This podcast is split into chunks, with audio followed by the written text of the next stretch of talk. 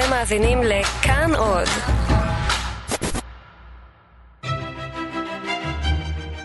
ממלחמה לשלום. אינכם יכולים לנצח במלחמה מול הילדים. ההרגלים הבאים יסייעו בידינו. אחת, האזנה ערנית ורגישה. שתיים, מניעת ענבי זעם. אין לקרוא בשמות שוויצר, עצלן, טיפש, אידיוט. אין מקום לנבואות. סופך שתגיע לבית הסוהר, זה מה שיהיה בסופך. איומים. אם לא תירגע, אתה יכול לשכוח על דמי הכיס שלך. האשמות. תמיד אתה הוא המתחיל בכל הצרות. רודנות. בלום פיך, ותן לי לומר מילה או שתיים.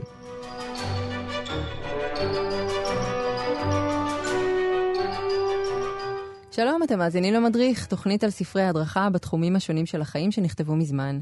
בכל פרק נבחר אחד מהם, נפתח את קפסולת הזמן הזו וננסה לראות מה קרה אז ומה קרה מאז בתחומים שהספרים מדברים עליהם, כמו טיולים, גידול ילדים, אופנה ועוד כל מיני דברים.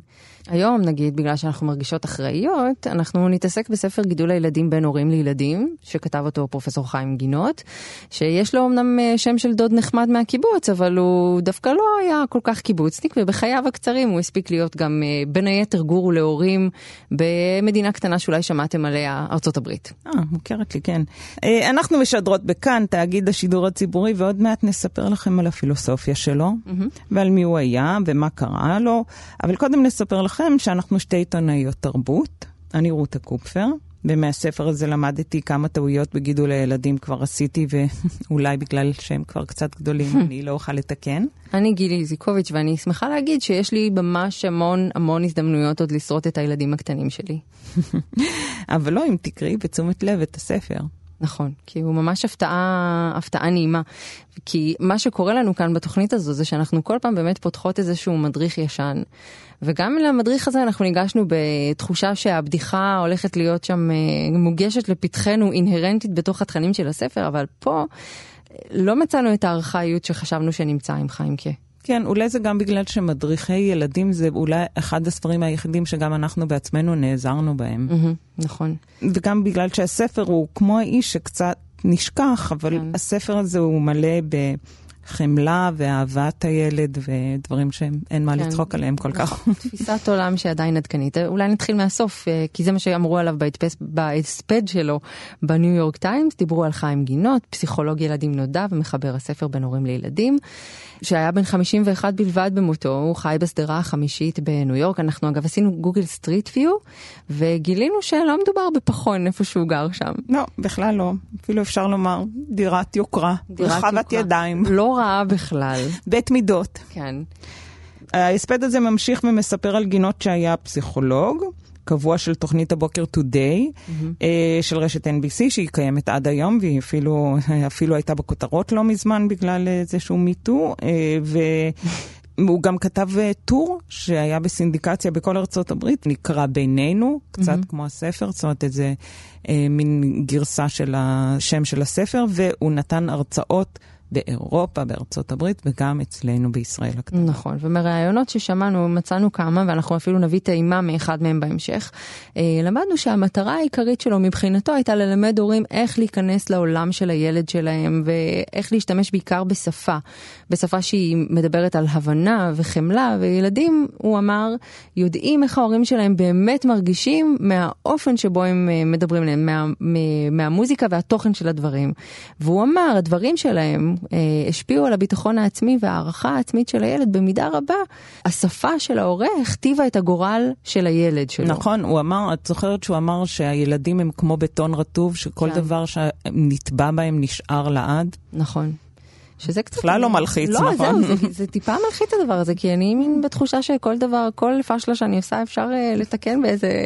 אני מאמינה שזה נכון, אבל הוא רק רצה להגיד להורים שכאילו אלה יצורים רכים וצריך לנהוג בהם בזהירות, אני חושבת. נכון. Uh, למשל, הוא נהג להציע להורים להגיד, uh, החדר הזה מבולגן וצריך לסדר אותו, ולא להגיד לילד, uh, אתה עצלן, בלאגניסט ואתה גם uh, לא מתחשב. נכון, הוא, מה שהוא עשה זה שהוא לקח את העניין הזה של לכעוס על המעשה, לא לכעוס על הילד. הילד, שזה משהו שכל, אה, את יודעת, סדנת אדלר בסיסית היום תספר לך, אה, תגיד לך לעשות.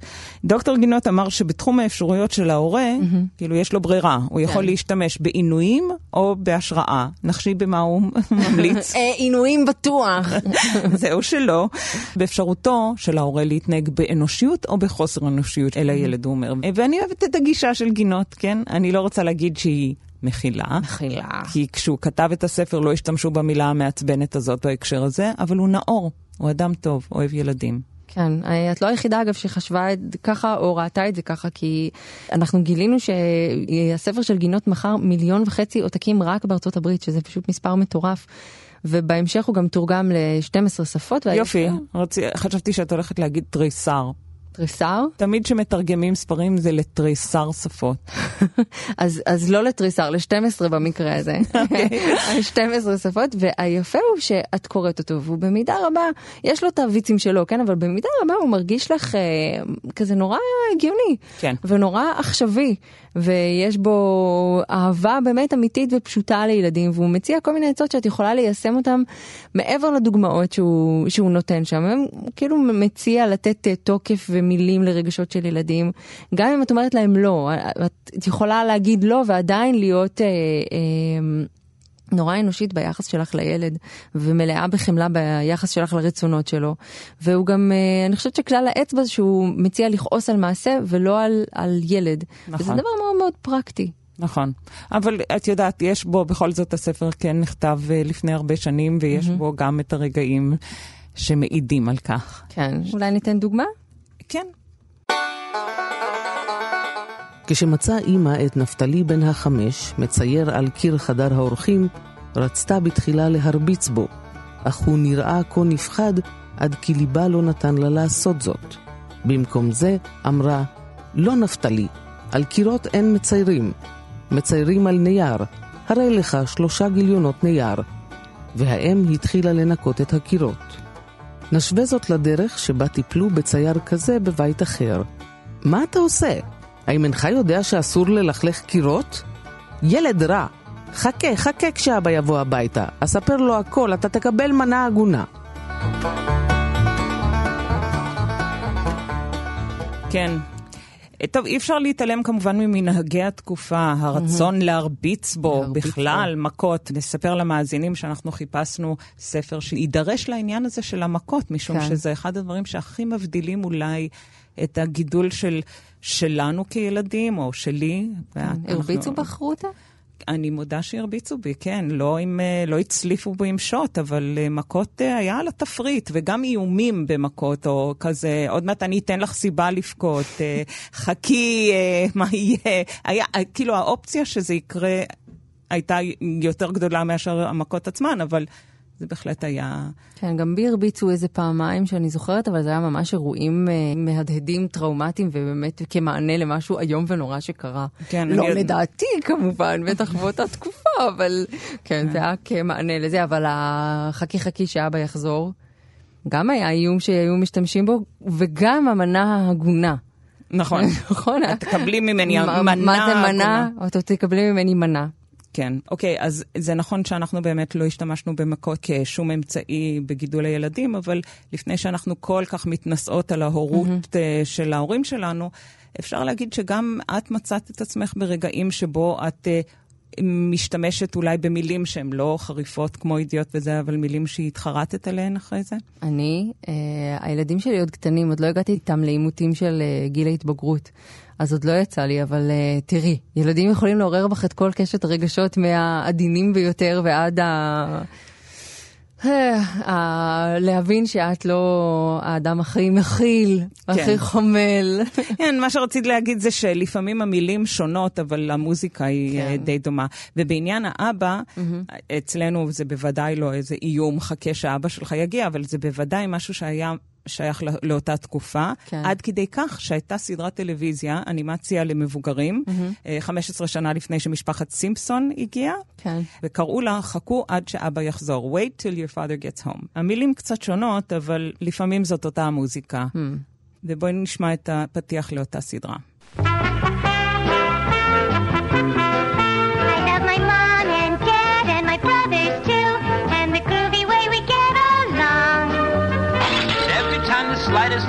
Goes wrong, Mom starts to sing this familiar song. Wait till your father gets, אוקיי, מה ששמענו עכשיו זה שיר הפתיחה של הסדרה "חכו שאבא יחזור הביתה". Mm. סדרת אנימציה למבוגרים ששודרה ב-NBC האמריקאית מ-1972 עד 1974, והיא תיארה משפחה מהפרברים, מאוד בת התקופה הזאת, סדרה שממש חיבבתי מאוד בתור ילדה, גם אם לא הבנתי את כל הבדיחות, כי זאת הייתה מין סדרת אנימציה שדיברה גם אל המבוגרים mm-hmm. וגם אל הילדים. ו... אבל זה הייתה מין משפחה נורמטיבית כזו, שבה חכו חכו שאבא יחזור, זה היה ממש המוטו של הסדרה. נכון, משום שזו הייתה קלישאה של אותם זמנים, אף על פי שאנחנו מבינים מהשיר שהאבא בעצם לא היה כזה, הם אומרים mm-hmm. גם עליו, Dad's not so bad and he seldom gets mad. זאת אומרת, אבא הוא לא כזה רע, כזה נורא, הוא גם לא מתרגז. לא, לא באמת uh, מתרגז. כן, אבל עדיין זה מתרחש בשנות ה-70, וכמעט uh, עשור לפני זה כותב uh, ומפרסם גינות את הספר שלו, אז אפשר להבין איך כשזו הנורמה, עד כמה הוא היה בעצם באמת uh, מתקדם, וכמה מתקדמת הייתה הגישה שלו. ו- אני גם רציתי להגיד שבמדמן, בסדרה התקופתית על השנים האלה mm-hmm. שהוא כתב את הספר, אוקיי? כן. שנות ה-60. יש סצנה מאוד מפורסמת, כן, שאני כן. בטוחה שאת זוכרת בטח. אותה, שבה... אה, ילד רץ בתוך משפחת אה, דרייפר, יש איזה אירוע חגיגי באותו יום בבית שלהם, והוא רץ ואומרים לו להירגע, והוא לא נרגע והוא חוטף סטירה, mm-hmm. ואחרי זה מתברר שזה בכלל לא אבא שלו, זה שנתן לו את המכה, אלא... מבוגר אקראי אחר. מישהו שם. עד והוא... כמה זה היה נפוץ באמת להכות את הילדים. נכון, וויינר משתמש בזה, זאת אומרת, מאטי וויינר, היוצר של הסדרה, כדי להראות שזה היה סממן של התקופה. כן, אז אולי בואי נשמע משהו על התקופה? כן. יאללה. הפינה ההיסטורית כמה מהמאורעות הבולטים במאה ה-20 התחילו בשנת 1965 והפכו לאירועים מתפתחים. למשל, מבצע רע"מ מתגלגל, שבו פותחת ארצות הברית במסגרת הלחימה בצפון וייטנאם, דבר שהופך לפעם הראשונה שבה שולחת ארצות הברית כוחות לוחמים למדינה. בתחילת השנה מודיעות גרמניה וישראל שהחליטו לכונן יחסים דיפלומטיים ביניהן. ובסוף חודש מרס מסיימים 25 אלף צועדים, שבראשם הכומר מרטין לותר קינג, צעדה היסטורית מסלמה למונטגומרי, בירת אלבמה, במחאה על אפליה גזעית. עוד בשנת 65, מובוטו ססה סקו תופס את השלטון בזאיר, צרפת משגרת את הלוויין הראשון שלה, ואת ראש מצעד הפזמונים כובשים הרולינג סטונס עם I can't get no satisfaction. יודעת, רות, הזה, הגלים הגדולים והמתעצמים של מחאת זכויות האזרח בארצות הברית, ואולי קצת פחות מפתיע שבעצם הגישה ההומנית של uh, גינות משתקפת ככה בספר שלו, זה חלק מהתקופה. נכון, ולא רק של התקופה. אל תשכחי שקדמו לו יאנוש קורצ'אק, וקדמו לו אלפרד אדלר, וגם דוקטור ספוק. Mm-hmm. זאת אומרת, הוא לא, הוא אמנם באמת, uh, הגישה שלו היא באמת uh, אוהבת אדם ואוהבת ילד במיוחד, אבל הוא לא היה חלוץ בעניין הזה. כן. אולי הוא היה אחד מהם. כן. Uh, אז בעצם כשהספר הזה נכתב, הוא גם מותח ביקורת על פרויד, הוא אומר שהוא אחראי להססנות של ההורים, נכון, הססנות מודרנית. אה, את יודעת שזה משהו שממש הפתיע אותי כשקראתי את זה, כי אני חשבתי שכל העניין הזה של אה, היעדר הסמכות ההורית... אה, זה המצאה שלנו. כן, של, נכון, של המילניום, קצת לפני, של מין הורים כאלה שמפחדים לאכזב את הילד שלהם, והם, אה, את יודעת... כן, והם... אז הוא משווה את זה פשוט לרופא שפורץ בבכי למראה זרוע שבורה, כן. מישהו שלא יודע לתפקד בסיטואציות הכי בסיסיות של התפקיד שלו בעצם. בדיוק, כי התפיסה שלו היא לא שאם אתה, אתה אוהד את הילד, אתה חומל, אתה רוצה לדבר איתו, אתה רוצה שיהיה ערוץ ביניכם, אבל אתה לא מפחד ממנו, אתה לא, לא מהסס באינטואיציה של ההורית שלך. אתה אמור להיות ההורה והוא אמור להיות הילד, ולא הפוך. כן, אבל איפה כן אני רואה את, ה, את רוח התקופה ואיפה כן נמצאת השמרנות? בכל מה שקשור לנשים. נכון, זה תמיד. ביחס לנשים. זה אפשר לראות בכל מתקדם, תחום. מתקדם, מתקדם, מתקדם, אבל, אה, אבל בואי נשים, תנקי, כן. בואי זה, הוא גם,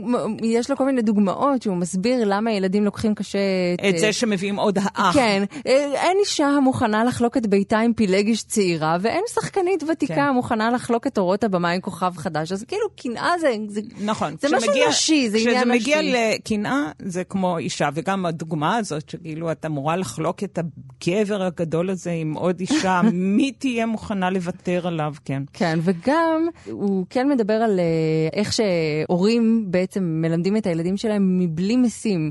איך אה, זה, למשל, בכל מה שקשור לחינוך מיני, לא לחכות לשיחה, זה לא השיחה. הילד לומד מהאופן שבו את מתנהלת בבית עם אה, בן הזוג שלך, ובאופן שבו ההורים שלהם חושניים, של הילדים, חושניים אחד עם השני, זה מה שהילדים ילמדו על חינוך מיני. כן, שזה גם לא תפיסה כל כך מעוותת, אם את יודעת, מה שהוא בעצם אומר זה שאתה יכול לגלות חום ואהבה לבן הזוג שלך, שלך, בבית. זאת אומרת, אה, אז, אבל בהחלט הוא... מישהו שיש לו איזה מין תפיסת עולם כזאת מלאה היגיון בריא, והוא נראה לי ככה, אני, מעניין אותי איך הוא היה מתייחס לכל האימהות החדשה, ספרי אה. ההורות החדשים. כן. את יודעת, האימא ההליקופטר, האימא הטייגר, tiger לא, mom. אמא הליקופטר, צריך להגיד שזה האמא שמרחפת תדיר מעל. הילד שלה ובוחנת כל... ושלא נתבלבל עם אימא מכסחת הדשא, שהיא זאת שמפלסת את. הדרך אימא כדי שהוא לא... נגמש, או אימא נושאת מטוסים, מה זה אימא נושאת מטוסים? אימא שמחסלת לילד שלה את הבמבה ב playdate. אני חוששת שאני מכירה אחת כזאת. לא, אה, לא שמעתי, לא. שמעתי כאילו, לא מכירה באופן אישי, שמעתי שקיים כזה דבר. אז בעניין גם החושניות שדיברנו עליו לפני כן, את יודעת שהוא אחרי מותו, אשתו, שגם הייתה פסיכולוגית, אז uh, קראו לה אליס לסקר, היא כתבה... היא בעצם סיימה ספר שהם כתבו ביחד, שנקרא בן בעל האישה. זאת אומרת, היא הייתה איזה מין תפיסה כזאת מתכללת, כן. כוללנית. את הול- כל- הוליסטית. הוליסטית, אם הוליסטית. תרצי. ועוד פעם, את רוצה שאני אכיל את התפיסה יכולה- אני- ההוליסטית? אני רוצה, איך זה- איפה זה פוגש אותך, התפיסה ההוליסטית? זה בא במקום של הבנה לצרכים שלך. כן. בכל מקרה, אולי כדאי שנגיד עכשיו כמה דברים על החיים הפרטיים של גינות, אם כבר הזכרנו את אשתו, וזה שהוא נולד בתל אביב ב-1922, וסיים לימודים באוניברסיטת קולומביה ב-1948, ואז עשה תואר שני, ודוקטורט הוא קיבל ב-1952. הוא היה עושה את אימא שלי כל כך שמחה. והוא הוא היה פרופסור לפסיכולוגיה באוניברסיטת ניו יורק, שידועה גם כ-NYU, ושימש את זה כבר אמרנו כיועץ חינוכי, מדעי ותרבותי, גם של האו"ם וגם אה, למשרד... של הח- האו"ם לישראל. של האו"ם לישראל כן. ולמשרד החינוך הישראלי. וגם הייתה לו פינה קבועה ב-Today Show, כשתוכנית הבוקר הזאת הייתה אחת הנצפות ביותר. אז אה, בואי נשמע. בואי נשמע. Barbara, I, I compared what is the difference between my response to a child in psychotherapy, shall we say, and a parent's response in the same situation. Suppose a child came into my playroom and he turned around and he turned over some uh, a glass of, of water. My natural response, without thinking spontaneously, would be, "Oh, the water spilled. Here is a sponge." זה היה הרעיון שלו שמצאנו ביוטיוב עם ברברה וולטרס, שהיא ממש האילנה דיין של, אה, של אמריקה. או הפוך, או הפוך, אבל בסדר. והוא מדבר על אה, שפה של דחייה, שפה של מתקפה, ומה שאני עושה עכשיו, אני מעניק להם שפה של חמלה ושפה של אכפתיות.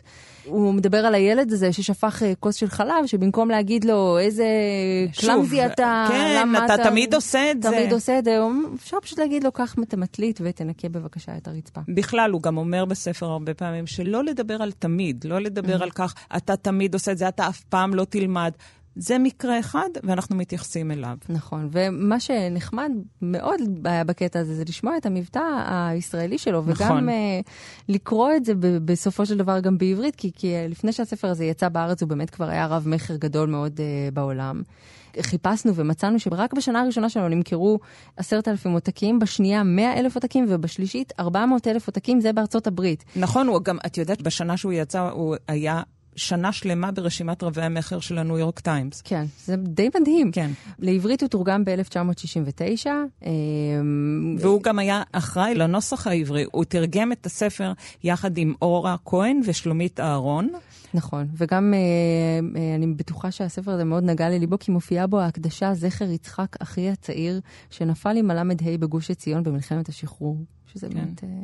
רגע אה, מרגש, וגם בארץ הוא מאוד מאוד הצליח, אה, כי תוך שנה אחת נמכרו שלוש מהדורות ראשונות, הראשונה במרס, השנייה באפריל והשלישית באוקטובר, וזה נתון כל כך אה, חריג, שאני מרגישה צורך להתאוורר ממנו באמצעות שיר, שנשמע שיר. שיר ששואל שאלות. כן, יאללה. יאללה. למה ככה? לא יודעת, ככה סתם אולי. למה ככה? ככה למה? כבר נמאס לי די. למה דווקא? לא יודעת, דווקא להרגיז? למה דווקא? דווקא למה? דווקא להכעיס?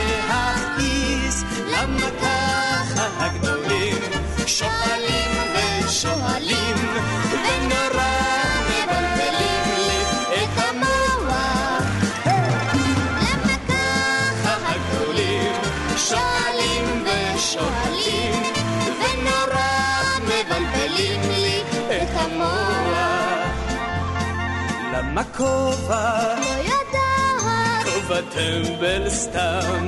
למה כובע? ולמה? סתם בשביל הים.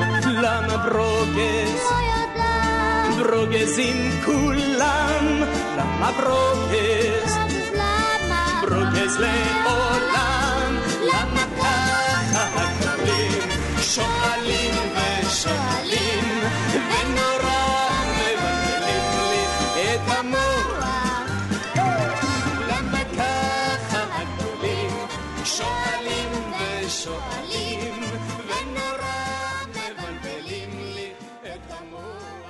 אז למה בחרנו את השיר הזה? למה? כי השיר הזה, כמו הספר, הוא על דיאלוג בין הורים וילדים, וגם הוא זכה בפסטיבל שירי הילדים 1970, הפסטיבל הראשון. והוא- זה שנה אחרי שהספר יצא הספר בארץ. יצא, בדיוק. מה יפה, רותה, בשיר הזה? כן. שהילדה שואלת למה ולמה, ומה התשובה? ככה. התשובה היא ככה. כן, אני לא חושבת שזו גישה שתתקבל היום, אבל אולי אה, נמצאת איתנו כאן אור אלתרמן, שהיא מייסדת מאמזון, שהיא קהילת האימהות הפייסבוקית הגדולה בארץ, והיא גם מגישה את התוכנית בוסטר כאן בכאן, ואולי אה, אור תדע לומר לנו, האם ככה זו כן תשובה? ככה. ככה. ככה זה לא תשובה, נכון? זה תשובה ש- אולי. המשפט הראשון שילדים אומרים, נכון? כן. נכון, אבל בדור שלנו כבר המאוד מתקדם, אנחנו גם אומרים להם שככה זה גם תשובה. אה, גם הבנתי. כן, כבר הכל זה, חזרנו. חזרנו, כן. פניית הפרסה הושלמה. ברור. תגידי, את שמעת על הספר של גינות? אני זכרתי אותו, את מכירה את זה שאת בתור ילדה, יש את המדף הזה, את המדפים של ההורים, וכל מיני שמות כאלה, וזה לא אפילו העטיפה, זה רק החלק הזה שרואים של הצד של הספר, כן. שנחקק לך. כן. אז אה, זכ... זאת אומרת, ממש זכרתי את זה, ואז הלכתי ווידאתי את זה עם אח שלי, והוא ישר אמר, כן, היה לנו את זה, למרות שמעולם אף אחד מאיתנו קרוב ודאי אפילו לא החזיק אותו. וואו. וזה הספרים של ההורים כאלה. אגב, אני גם, יש לי תחושה שההורים שלי. גם לא קראו את זה? לא קראו לא. כי, לא, כי אני חושבת שאת רוב המדריכים אנשים לא קוראים. אה, אוקיי. יש לי תחושה כזאת. אולי הם אה, מדפדפים מיד לשלב השאלות והתשובות, מה שפרקטי, לא כל החלק של ההגות. זה כן נכון שבאמת תחושה- בספר הזה של הספר הריון, יש בסוף מה את אמורה להרגיש בכל שבוע, ואני זוכרת שקראתי את זה. ב- נכון, זה גם אני, נכון, נכון. הסתכלתי על זה מאוד בפרטי. אבל את לא נעזרת בספר הריון ולידה? אז אני, ככה, אני, אני כקלישאת הקלישאות בהיריון, אני ממש זוכרת את היום הזה שנכנסתי לחנות ספרים ורוקנתי מדפים. זה כאילו עם ממש הגלגל, לקחתי את זה, את זה עם הגלגל. ואת עקרון הרצף, וכל, ממש, כאילו, את הכי קלישאות. אז את זה עם הגלגל באמת הסתכלתי כל פעם לראות אם מה שאני מרגישה, אז אה, אם אני בסדר, אם אני נורמלית, אם. אני מותאמת לשבוע. וזה כל פעם הדהים אותי שכן, וואו, מה שהרגשתי, זה כתוב בספר. אם זה כתוב בספר, זה זה בסדר. סוף סוף יש. תנ"ך, זה בספר, זה כתוב בספר. נכון. ואז, וקצת את עיקרון הרצף אני זוכרת שקראתי, ואני חושבת שמהר מאוד אה, זנחתי את זה כבר. והאמת היא שזה מעניין, כי עכשיו נגיד אני עוברת איזה תהליך כזה של לפנות, מלא, להוציא מלא דברים מהבית, והמדף הראשון שהיה לי הכי קל להוציא ממנו דברים, בכל הספרי הדרכה. תגידי, אבל את- יכולה לספר לנו על הנסיבות שבהם הקמת את אה, ממזון? אה, כן, בהחלט. כי אה, באיזשהו מובן אני חושבת שממזון הוא קצת מחליף ספר את הדרכה, כן. הוא מחליף הרבה דברים. סמכותיות של ספרי הדרכה. עד שהוא מחליף ספרי הדרכה, הוא מחליף אה, איזושהי תחושת, אה, הוא נותן מענה לאיזו תחושת קהילה שהייתה חסרה כנראה מהמם. הרבה מאוד זמן. אה, הוא מענה מאוד טוב, בעיקר לאיזו תחושת בדידות כזאת. ברור. יש איזה... אין מה לעשות, אה, אחרי ה... גם הריון וגם לידה, למרות שאת מוקפת ולמרות שיש את מי שעברה את זה לפנייך, יש איזו תחושה מאוד בודדה, ואת בטוחה ש... באיזשהו מקום את תמיד קצת בטוחה שאת תמצאת את זה, את תמצאת את הסימפטומים, כן, את לכולם את מה הולך נורא שקורה. קל, ורק אני, מה קורה פה? נכון. או, או, או אפילו, אפילו כל דבר שקורה לתינוקת שלך, רק לה זה קורה, תמיד זה בניואנס, תמיד תדבקי לניואנס הספציפי שיש אצלה, כאילו זה משנה. ו... ואני מצאתי את עצמי, למרות שהייתי בין ה... הייתי יחסית, ילדתי יחסית מאוחר לחברות שלי, והיו לי כבר חברות אימהות, למה באיזה גיל ילדת? ב-34. 34, זה אני. ילדתי ב-33 והייתי היחידה בחבורה. הראשונה? הסת- כן, אפילו כן? הסתכלו עליי במבט כזה של מה נהיית הזאת. כן. לא. ואני ילדתי אה, בגיל 30, וגם הייתי הראשונה מבין כל החברים. כן, אז אני ב-34 כבר, אה, המעגל הקרוב אליי כבר רובן היו אימהות, ו...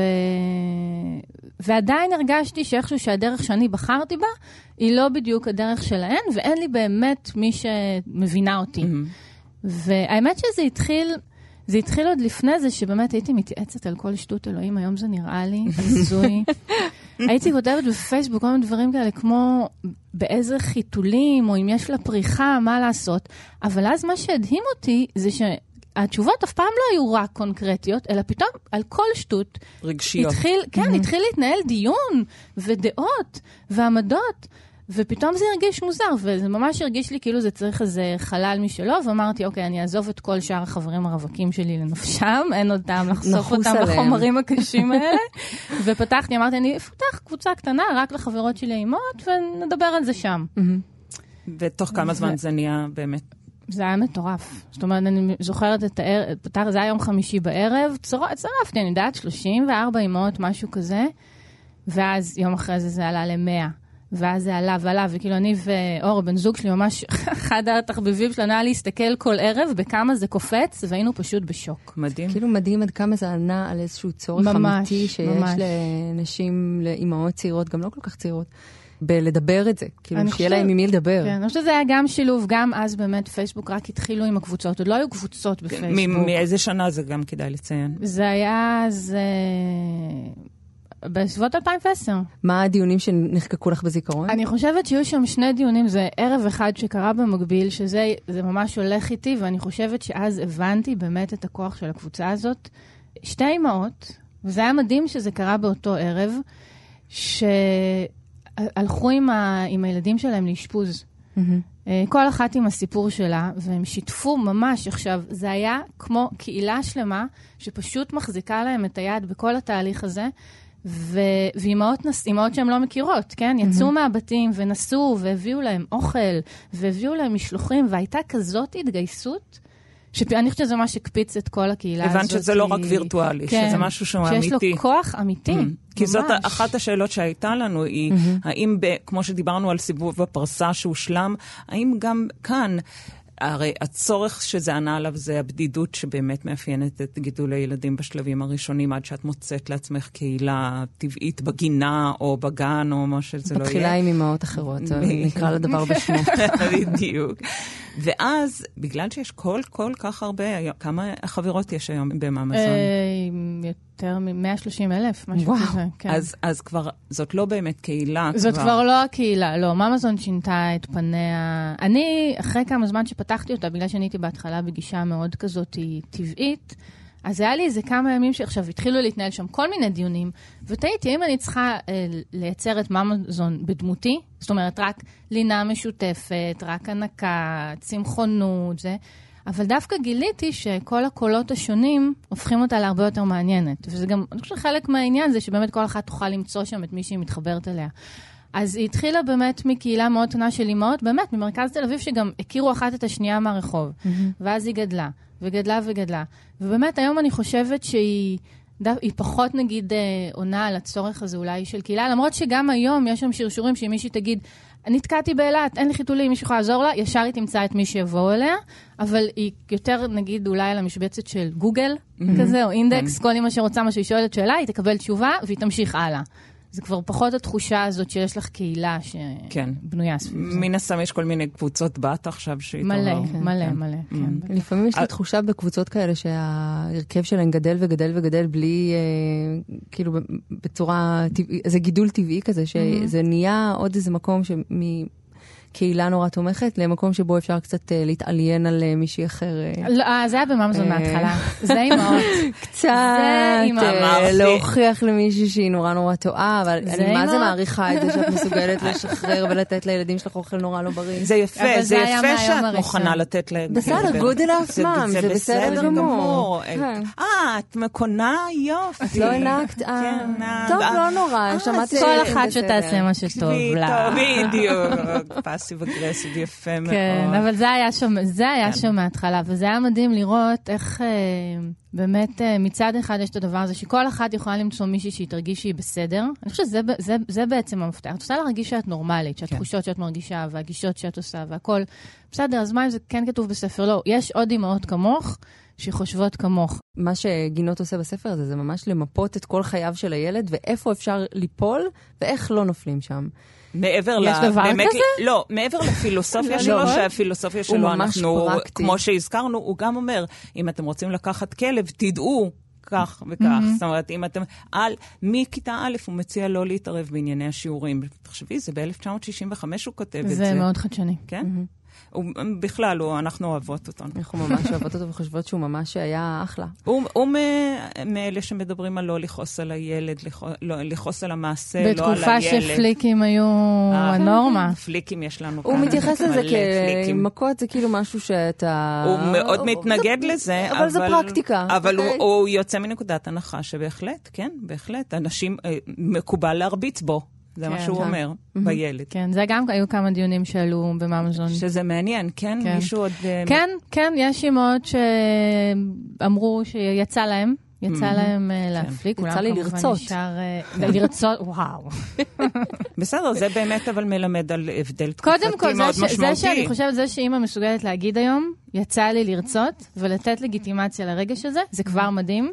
כי אני לא חושבת שזה משהו שהיה אפשר להגיד לפני כמה שנים. כי ישר היו מסתכלים עלייך. כן, כמו שלהגיד שזה באסה לגדל ילדים, וזה קשה וזה. זה משהו שהיה פחות לגיטימי להגיד אותו עד לפני כמה שנים. נכון. שיש איזו תנועה מאוד אה, יש משחררת. תנועת מטוטלת, אני חושבת. כל הזמן יש, כן, זה נכון. את חושבת שזה החליף ספרי הדרכה בעצם? אני, אני חושבת שכן, אני חושבת שיש, את יודעת, בכלל המכשיר הזה, עם Mm. הגוגל הזה, החליף מחזיקה את הנייד שלך כן, ביד עכשיו, את כן. רוב המכשיר, אני מניחה שזה מה שאנשים מבינים, שאני מקווה שזה מה שמבינים שאני מחזיקה. אמ, אז אה, החליף את רוב ההדרכה, מי, מי בכלל, מישהו היום, כשיש לו שאלה, הוא פותח ספר? הוא פותח גוגל. כן. באמת, זאת אומרת, אתה כותב, הכל נכון, נמצא שם. אבל אז אני טוטוריאל, יש בדיוק, איך חושבת, יש מחתלים? עדיין. כן, לגמרי, או שאת יכולה באמת לשאול בממזון. כן. איך מחתלים. אה, יש עדיין ספרי הדרכה שנותנים לך, יכולים לתת לך אולי אה, באמת מעבר, אבל דברים שקשורים באמת לספרי הדרכה הקלאסיים האלה של שאלות, תשובות ושלבי התפתחות, כן, אני חושבת שזה החליף את זה. או, מעניין. מעניין מאוד. אני רגע, חושבת, בגלל זה שאלה? אני חושבת שהספרי הדרכה היום ש, שכן מצליחים, זה באמת כאלה שבאים עם איזושהי אג'נדה, תפיסת עולם. תפיסת עולם מאוד מאוד אישית, כאלה, איזשהו איזה פילו- סיפור אישי. או פילוסופיה כזו, תורה סדורה, הכוונה. כן, משהו שמגיע... הלוחשת לתינוקות כזה, שהספרים שלה עדיין נמכרים מאוד. נכון. כן, אני- אני זוכרת... אמרה זו שקנתה את הספרים שלה. אני, אני גם קניתי, קניתי והשלכתי. הייתי בשני הצדדים. בסדר, לא, לא מעבירים אותם הלאה. אז אה, אה, הכהנת שלי, לכאורה כהנת, כן, אבל האישה ש... אה, נועצתי בספריה זה פנלופי ליץ', ואני זוכרת עצה שהיא נתנה לי שלקחתי. ספרי. אה, בכלל אהבתי את זה שככה הרגשתי שהיא מכירה את התינוק שלי. כאילו, היא מדברת על תינוק שאני... ספציפי? ושהוא שלך. כן, שהוא שלי. זאת אומרת, היא לא מדברת על איזה משהו מאוד באוויר, וגם היא הבינה לליבי. היא אמרה ככה, אם התינוק שלך בוכה ובוכה ולא מפסיק לבכות, שזאת בעיה, נכון? זאת אחת הבעיות הראשונות כן, שמתמודדים זה- איתן. מה אתה רוצה ממני? עשינו ככה, עשינו ככה, למה אתה ממשיך לבכות? אז היא אמרה, אם כבר האכלתם וזה לא עוזר, וחיתלתם ובדקתם ושמתם, שימו אותו במקום בטוח, במיטה ותיכנסו. להתקלח. וזה עובד. זה כן. עובד? אוקיי.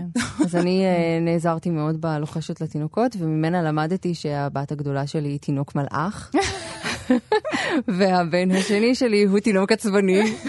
והיא צריכה אותה בשביל זה. הייתי, אה, לא, איתו כבר למדתי, מדובר בעצבני. עד לפני רגע, עד, עד שהוא נולד, היא התעליינה על כולם שהיה להם כן, קשה. שאני אעשה, מה? מה הם- לא מבינים? מה הם כן, כולם אנחנו בו? גם, היה לנו אני לא. הבנתי.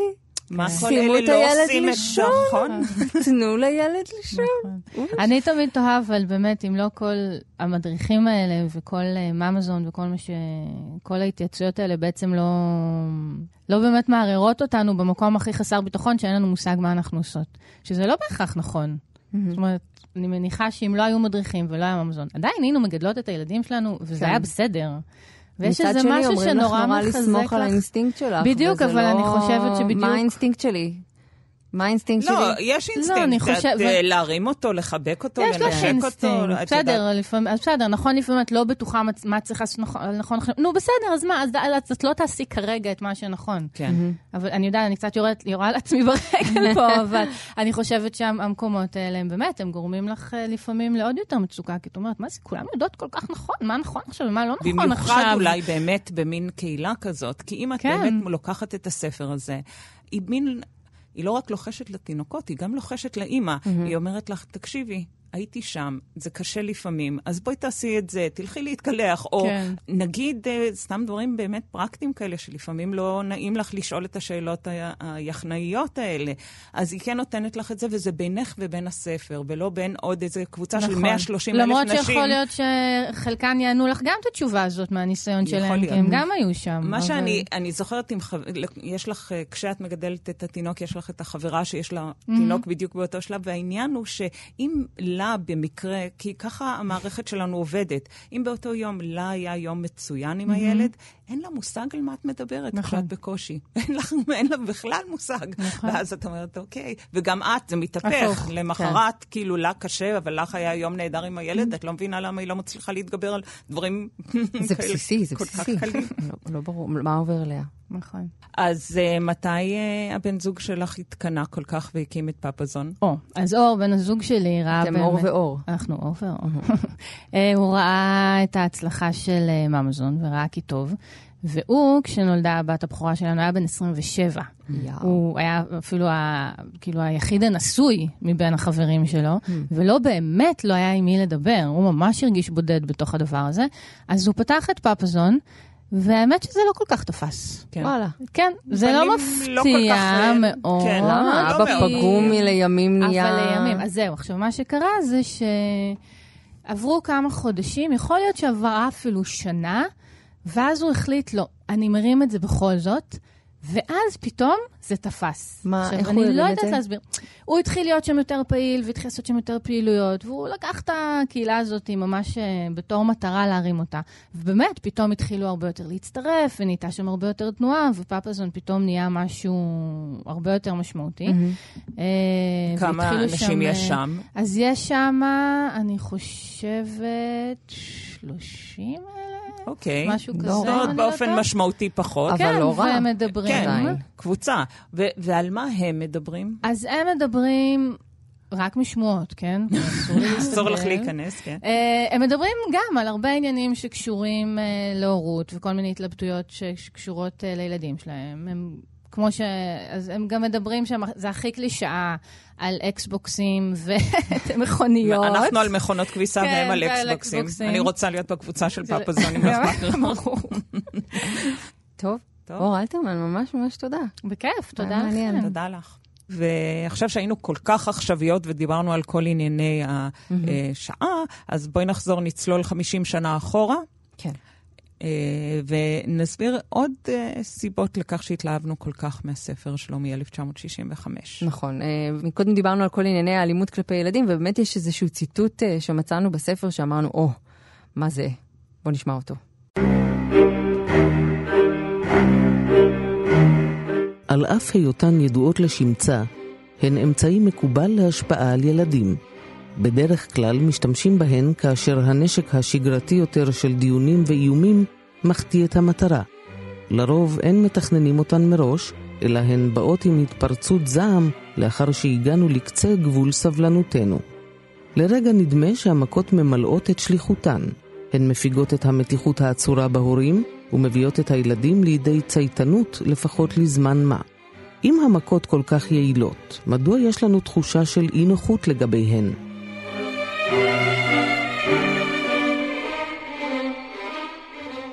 כן, מעניין. וגם לי יש ציטוט על המכות. דברי אליי. אה, הוא מזהיר מפניהן לא רק בגלל תחושת האי-נוחות שאת חשה והבאסה שהן מעוררות, אה, אלא מסיבה אחרת. אה, מכות תכופות על עכוזו של הילד עלולות להשפיע לרעה על התפתחותו המינית. טוב. בשל קרבת היתר של האיברים, קרבת יתר, לא יודעת מה זה אומר, עלול יצר המין של הילד להתעורר בשעה שמרביצים לו, וייתכן שהוא ייהנה כל כך מן ההתפייסות שלאחר העונש, עד כי להתרגל לבקש ולראות בעינויים תקדים הכרחי לאהבה. זה כן, זה, ואם אי פעם הייתה סיבה לא להרביץ לילד, אז הנה היא. אבל אני חושבת, היו בכלל לאורך השנים המון שינויים ברעיונות לגבי גידול ילדים, מה אפשר, מה אי אפשר, מה מותר, מה אסור, ואני ממש תוהה מה יגידו על הדור שלנו ועל ההורות שלנו, ובאיזה אופן בדיוק הילדים שלי ושלך יצחקו אלינו בעוד ככה וככה שנים. מה שברור זה שהיחסים בין הורים לילדים, כמו שהספר של גינות נקרא, נשמרים. גם אם אנחנו מרגישים שאנחנו יותר באים לקראת הילדים, אנחנו מדברים שפה של חמלה, ואנחנו mm-hmm. מנסים להכיל אותו, וכל, ה, וכל ה... את יודעת, mumbo jumbo הזה, כן. עדיין הפער הזה נשמר, והם רוצים גם למרוד בנו, וזה חלק מהתהליך אני הטבעי. אני חושבת, ב... את תמיד תהיי ההורה והוא תמיד יהיה הילד, וההורה שלך תמיד יהיה ההורה, ואת תמיד תהיי הילדה שלו, זו הסיטואציה הבסיסית. למשל, אני יודעת שהעורך שלנו דיבר על זה שהוא אה, פעם היה קורבן... אה, קורבן רע, ל silent treatment. כן, לעונש הזה של אה, לא מדברים איתך, פשוט קצת... אה, תראי, כאשכנזייה מאוד שאני, אצלנו היו שותקים עלייך, עד שהיית מבינה ששותקים עלייך. את יודעת, אני גם אשכנזייה, לא ידעתי אם את יודעת את זה עליי, אבל אצלנו רק... היה לי חשד. אבל, אבל צועקים, היו צועקים די הרבה אצלנו. באמת? לא, אז אצלנו היו ממש, היו, שוט, היו, היו שותקים עלייך. כן.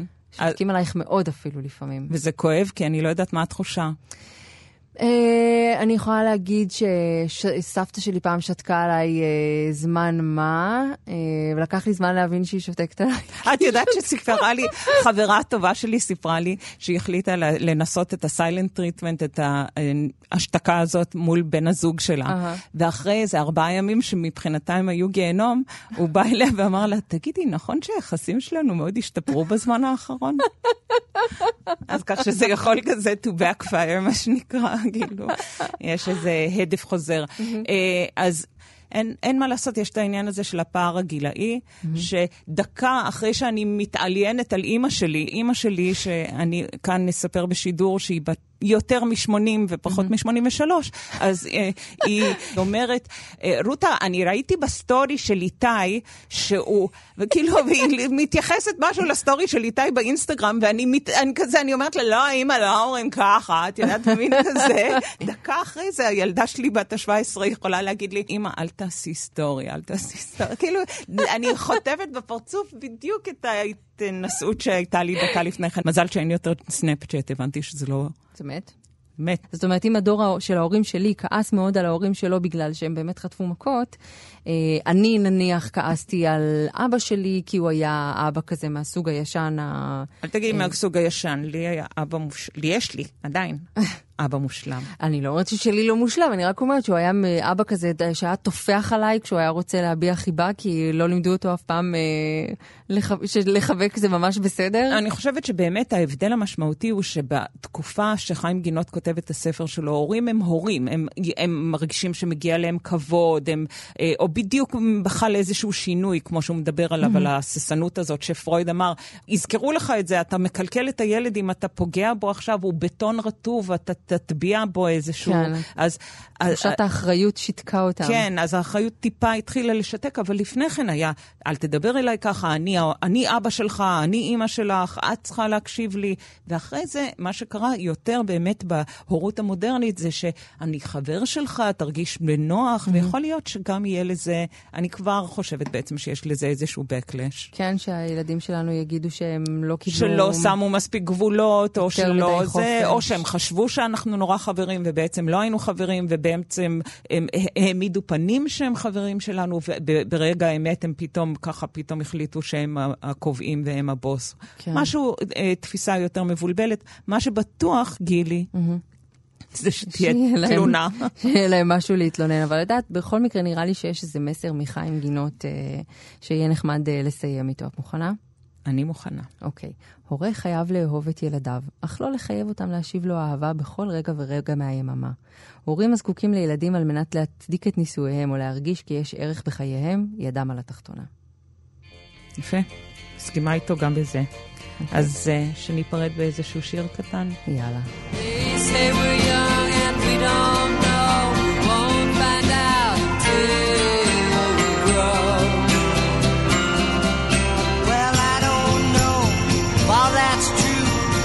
got me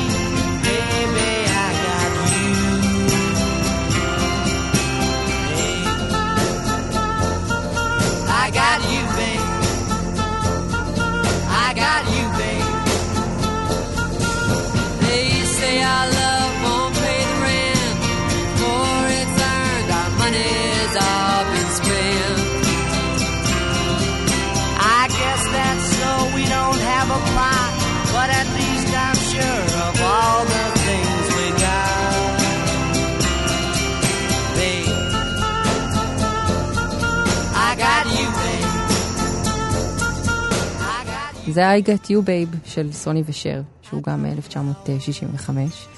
וזה זמן טוב להיפרד, רותה. אני הייתי גילי זיקוביץ'. והלוואי שהייתי אימא שלי. כן? לפחות בשעה הזאת. ואני הייתי רותה קופפר. הלוואי שהייתי אימא שלי, רותה. אבל אני לא רוצה, אני לא מספיק מבוגרת. ואתם על המדריך, וכאן תאגיד השידור אה, הציבורי. תודה לקריינים שלנו, ענת הראל ואיתי מרקסון, ולמפיקה ירדן מרציאנו ולמפיק רום אטיק. הסכתים אחרים של כאן תרבות תוכלו למצוא בעמוד הפודקאסטים שלנו או באפליקציית כאן עוד. וניפגש בפעם הבאה. we can't climb.